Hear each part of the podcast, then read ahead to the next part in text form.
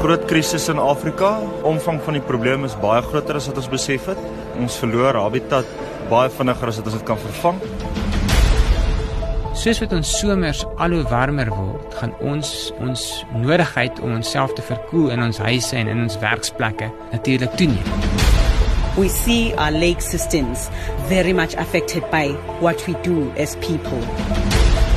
Sodra 'n spesies gelys word as krities bedreig, is daar redelike sterk indikasie dat daai spesies oor 'n sekere aantal jare sal uitsterf.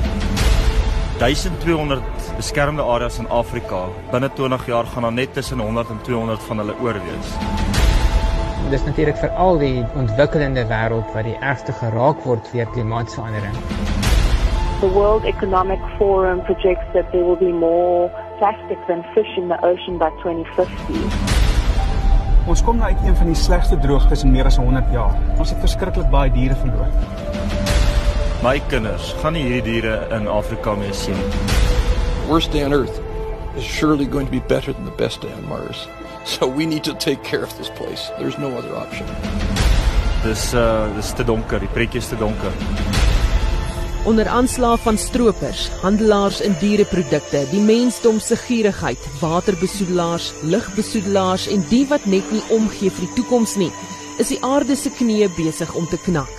'n Duidelike waarskuwing van omgewingsstryders dat ons omgewing, die land, die wêreld in die moeilikheid is. Ek is Fransje Engelberg van die WNR. Wat gaan gebeur as die Parys-ooreenkoms nie suksesvol geïmplementeer word?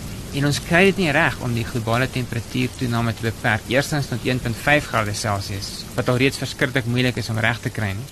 En dan soos wat die amptelike doelwit van die Parys-ooreenkoms steeds is om die 2 grade Celsius drempelwaarde te vermy. Wat gaan dan gebeur? Wel hier in Suid-Afrika word daar geprojekteer dat ons temperature gaan aanhou om toe te neem ten min of meer 2 keer die globale tempo van temperatuurtoename. 2 grade Celsius temperatuurtoename in die globale temperatuur beteken vir ons in Suid-Afrika min of meer 4 grade Celsius.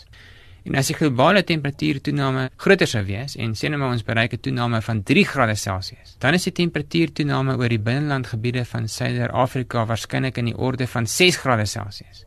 En dit moet ek sê beteken heeltemal 'n ander wêreld as waarin ons vandag gewoond is in Suider-Afrika. Byvoorbeeld, daar is geen mieliegewas wat ons vandag tot ons beskikking het wat bestand is teen 'n streeks toename temperatuur van 6 grade Celsius nie. Ons stapelvoedsel hier in Suider-Afrika gaan na alle waarskynlikheid nie meer mielies wees teen die einde van die eeu nie. Ons vleisbeesbedryf word ook direk geraak Daar is natuurlik ook direkte impakte van groot hittegolwe op ons gesondheid as mens. En groot hittegolwe kan natuurlik ook baie baie grootskaalse sterftes veroorsaak. Ons moet besef dat dit ook 'n reeks verskillende impakte gaan hê hier in Suid-Afrika. Dit begin met 'n impak op wat ons noem menslike behaaglikheid. Soos wat ons al hoe warmer kry, wil ons natuurlik ligverkoeling aanskakel. En die eerste impak daarvan is natuurlik 'n baie groter aanvraag vir energie, wat natuurlik nie goeie nuus is vir Suid-Afrika nie. Edward Goosen, bewaringshoof by Mkuzi Park in KwaZulu-Natal sê die droogte wat tans heers oor groot gedeeltes van die land plaas verder druk op alle dier- en plantspesies daar. Hierdie areas soos jy hier kan sien wat 'n nou pragtige gras is. Vir hierdie jaar hierdie tyd was dit rooi grond van die noorde tot die suide. Absoluut niks nie. Ons het verskriklik baie diere verloor. En ons het 'n klomp renosters geskuif as gevolg daarvan. So vir ons gaan dit nou op die oomblik daaroor net om seker te maak dat ons die veld terugkry in 'n kondisie waar ons weer tot 'n optimale stocking rate weer daar kan terugkom.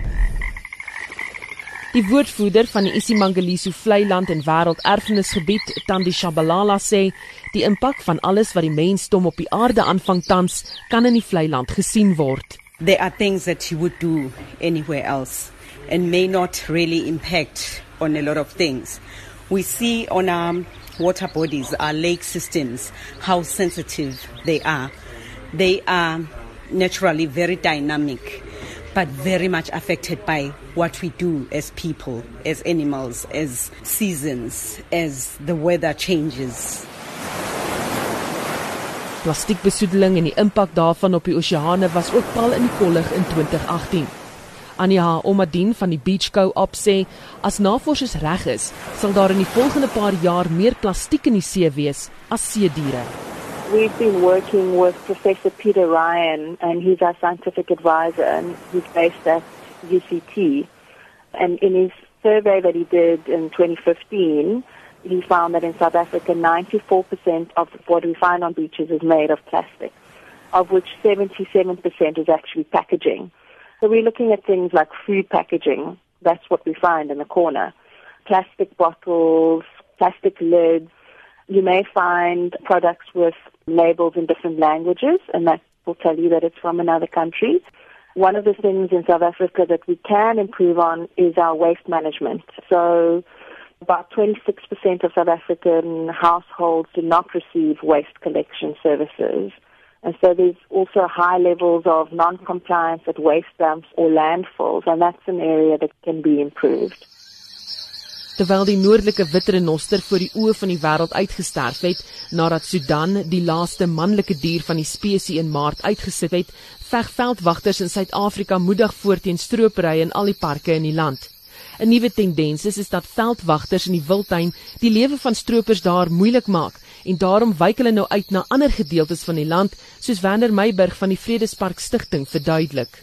Hierdie sentrum wat die Vredespark Stichting saam met die Amerikaanse regering nou op die been gebring het, is eintlik die sentrum wat seker maak dat hierdie verskillende parke wat deur die provinsie gesprei is, dat hulle die reaksie op stroopry, die intelligensie komponent rondom stroopry, die gebruik van tegnologie alles op een sentrale punt bymekaar gemaak word sodat dit bietjie meer gestruktureerd plaasvind en dan ook bietjie meer gestruktureerd plaasvind met kom ons sê die Kreewiltuin. Meiberg sê hulle het uit hulle eie foute geleer en hoop om binnekort 'n afname in stropery in KwaZulu-Natal te sien. Ons behoort seker binne die volgende 12 tot 18 maande dieselfde te sien gebeur.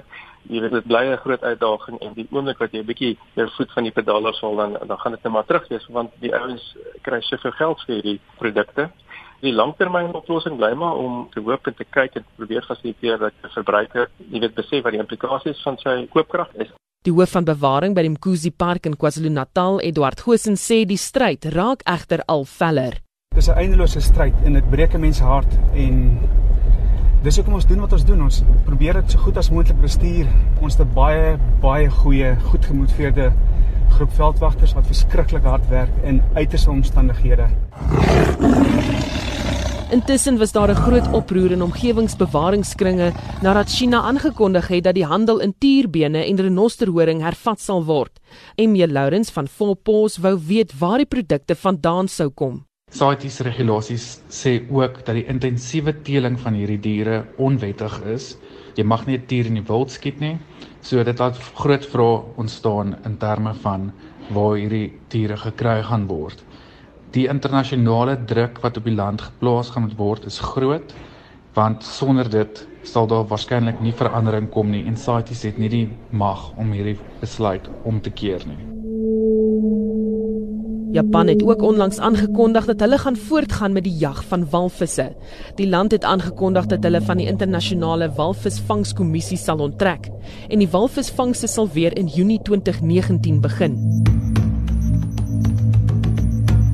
Maar terug in Suid-Afrika en navorsers het tydens die De Beers en Oppenheimer bewaringskonferensie bekend gemaak dat die land meer dierspesies verloor as net renosters en olifante, soos byvoorbeeld kameelperde is Frans van Dieken van die Universiteit van die Vrystaat. Pieter Finn het van African Parks 'n briljante lesing gegee en gesê sy voorspelling is van 'n 1200 beskermde areas in Afrika. Binne 20 jaar gaan daar net tussen 100 en 200 van hulle oorwees. En dit is uh, dis ek ek meen jy kry hoendervleis om te dink aan met al die vermoë en kennis en navorsing en geld en NGOs en wat mense daarin investeer om natuur te bewaar en die diere daarin en die ekosisteme is die voorspelling nog steeds dat ons gaan eindig met 100 of 200 beskermde areas. So my kinders gaan nie hierdie diere in Afrika meer sien nie. Ons gaan dit in Suid-Afrika sien en jy gaan dit op 'n wildplaas sien want hy's agter geelektrifiseerde heining en daar loop 'n sekuriteitswag elke aand saam met hulle en hy kry kos en hy word beskerm en hy kry medisyne. Maar in Afrika, dis uh dis te donker, die prentjie is te donker. Ek is Gerry Komashi, werk vir Mpumalanga Toerisme en Parke Agentskap en ek is die roofdierwetenskaplike daarso.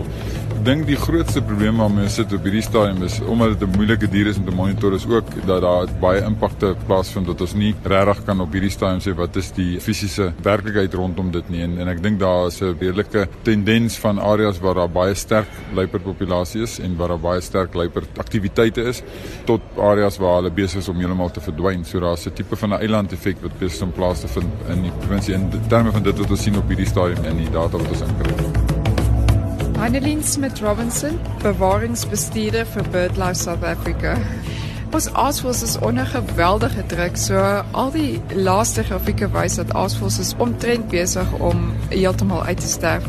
En daar's soveel verskillende bedreigings vir aasvoëls, onder andere elektriese infrastruktuur, veral ook dan gif wat uitgesit word, gif deur fisies die poaching wat ons ken um, op olifante en leeu's, maar ook gif wat net sekondêr aan aasvoëls uitgesit word. So byvoorbeeld as 'n boer 'n probleem op 'n plaas het en gif word uitgesit vir 'n jakkals, dan kan aasvoëls ook daai gif in die hande kry. So daar's ongelooflik baie probleme en wat ons probeer doen is om net vir aasvoëls 'n veilige area te skep. Verskeie omgewingsbewaringsorganisasies het ook in 2018 die rol wat CITES speel in die regulering van handel in bedreigde dierspesies begin bevraagteken. Michelle Pickover van die EMF stigting sê hulle dink Suid-Afrika moet hom onttrek van die organisasie omdat hy nie ons bedreigde dierspesies se beste belange op die hart dra nie. We believe that there needs to be a completely different treaty that takes into account issues around trade, destinations, welfare, and just general protection ethics and just taking into consideration that these are not just tires that we're talking about, these are living beings.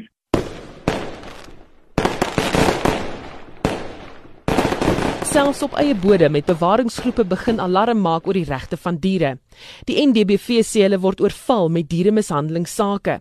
'n Inspekteur van die NDBV, Veronica van der Merwe, het ook gekla dat mense hierdie jaar ook nie omgegee het oor die misbruik van vuurwerke en wat dit aan die troeteldiere gedoen het nie. Daar was baie slagoffers gewees as gevolg van vuurwerke.